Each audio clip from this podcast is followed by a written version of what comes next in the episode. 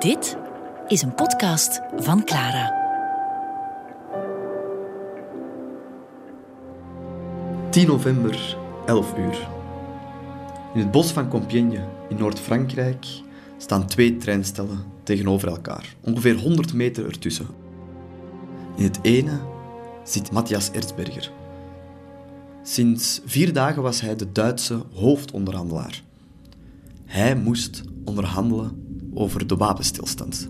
De wapenstilstand die een einde zou maken aan de Eerste Wereldoorlog. Matthias Erzberger was een echte katholiek en hij wilde heel graag naar de zondagmis gaan. Mocht niet.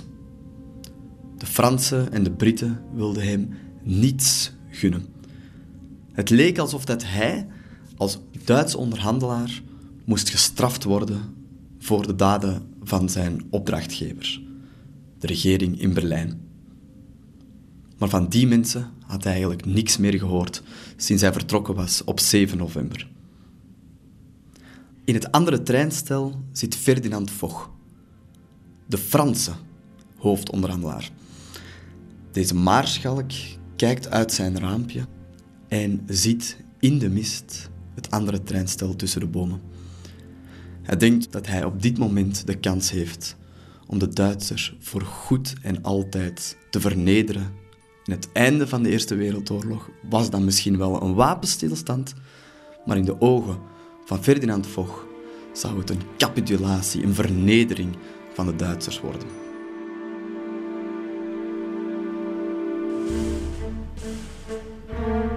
Matthias Erzberger heeft nog 24 uur om de wapenstilstand te ondertekenen. En dat weet natuurlijk Ferdinand Foch, maar al te goed.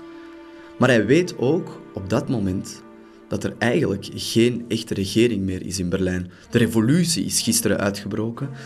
Twee keer zelfs. De communisten hebben geprobeerd de macht te grijpen en de sociaaldemocraten hebben de republiek uitgeroepen. De Duitse keizer is op de vlucht geslagen. En eigenlijk kan Matthias Erzberger niet echt ondertekenen.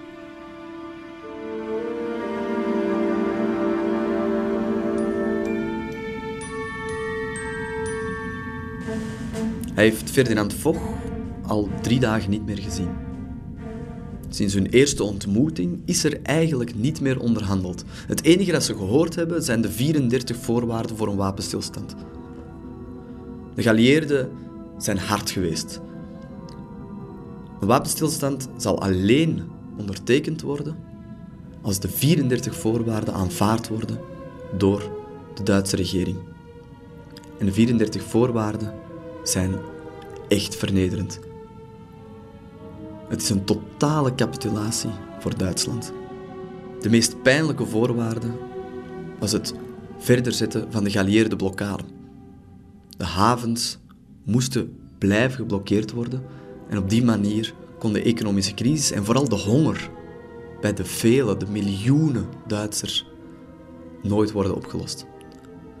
Maar ook de overgave van bijna al het militair materieel.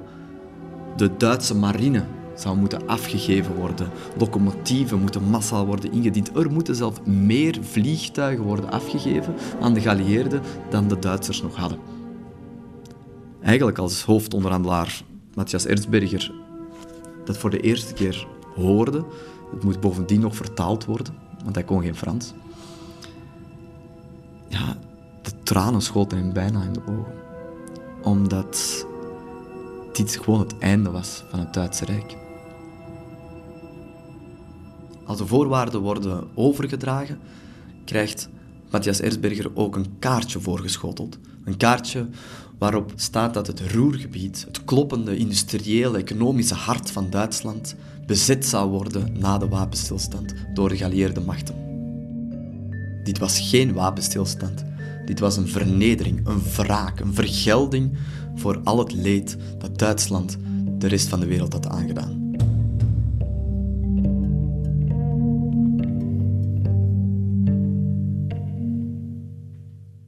...10 november bijna middag. Gisteren vernam de keizer Willem II in Spa dat hij was afgezet door een dubbele revolutie in Berlijn. En toen gaf hij toe. Hij moest op de vlucht slaan. Hij hoopte dat hij asiel zou krijgen in het neutrale Nederland. En in het holst van de nacht waren ze vertrokken. Eerst met de trein, maar na enkele minuten bleek dat de trein te gevaarlijk was. Het was te opzichtig. Het was een bekende trein. Wat als de revolutionairen vanuit Luik of vanuit Aken tot daar kwamen?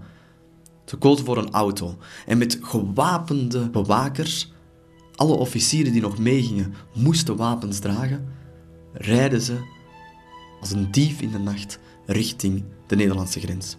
En s'morgens komen ze daar aan. En ze komen aan in IJsde. Een klein dorpje dat plotseling in het midden van de geschiedenis staat. Uiteindelijk komen ze in het station van IJsden. En tegen dat het eerste van de laatste 24 uren begint, om 11 uur op 10 november, staat de keizer de ijsberen op het perron. Samen met zijn gevolg. Ze bespreken wat de mogelijkheden zijn. Zou de Nederlandse regering of de Nederlandse koningin zo goed willen zijn om hen asiel te verlenen? Wanneer kwam er eindelijk een officieel ontvangst? Mocht hij zichzelf wel nog keizer noemen? Of was het een ex-keizer? Zouden ze misschien meer kans maken als hij een gewone adellijke persoon was in plaats van een staatshoofd? Maar tegen elf uur wist al heel IJsde en omgeving dat de keizer daar was. De keizer was heel herkenbaar, ook al had hij zijn snor afgeschoren. En ondertussen was het station omsingeld. Omsingeld door nieuwsgierigen, maar ook door meer dan 2000 Belgische vluchtelingen. Belgische vluchtelingen die riepen op de keizer. Die riepen, ah, camarade, kapot! Abba, Guillaume l'assassin! Vive la France, riepen ze. Ze lachen de keizer in zijn gezicht uit en zijn nog steeds woedend over de daden die de Duitsers hebben gedaan aan het begin van de Eerste Wereldoorlog. Verslaggevers kwamen aangestormd. Mensen wilden alles weten over die keizer die sinds gisteren geen keizer meer was. En onder die duizenden mensen rond dat kleine station was er één heel bijzondere. Victor Sneaker. 17 jaar is hij en hij had een camera meegenomen. En door te onderhandelen met het stationspersoneel kon hij dicht bij het perron geraken. En hij ziet op het perron een man wandelen. Een man met een iets korter armpje. Ja, dat moet, dat moet Willem II zijn. Want iedereen weet dat hij sinds zijn geboorte een wat korter armpje heeft en daardoor wat vreemd wandelt. Hij schrijft later: Op het tweede perron herkende ik onmiddellijk de keizer, ook al had hij zijn snor afgeschoren. Hij liep druk de ijsberen op het perron met zijn gevolg.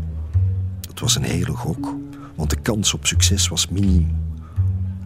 Onderbelichting zou een ramp betekenen.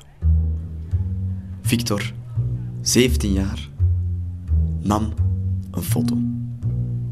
Hij keerde terug en liet hem snel ontwikkelen. En de volgende dag zou hij die stoer tonen aan iedereen die hij kende. Maar ook een journalist hoort over de foto. En die stormt op Victor af en vraagt hem of hij eventjes de foto mag lenen. Victor hoort nooit meer iets van de journalist. Maar de foto wordt enkele dagen later wel in heel de wereld gepubliceerd, zonder de naam van Victor. En in twee versies. De originele van Victor en één waarbij een snorretje bijgetekend was. De typische snor van Willem II, de keizer die plotseling aan de grens van Nederland stond.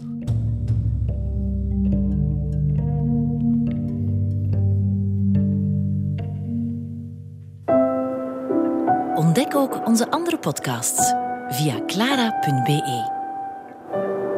Clara Podcast. Blijf verwonderd.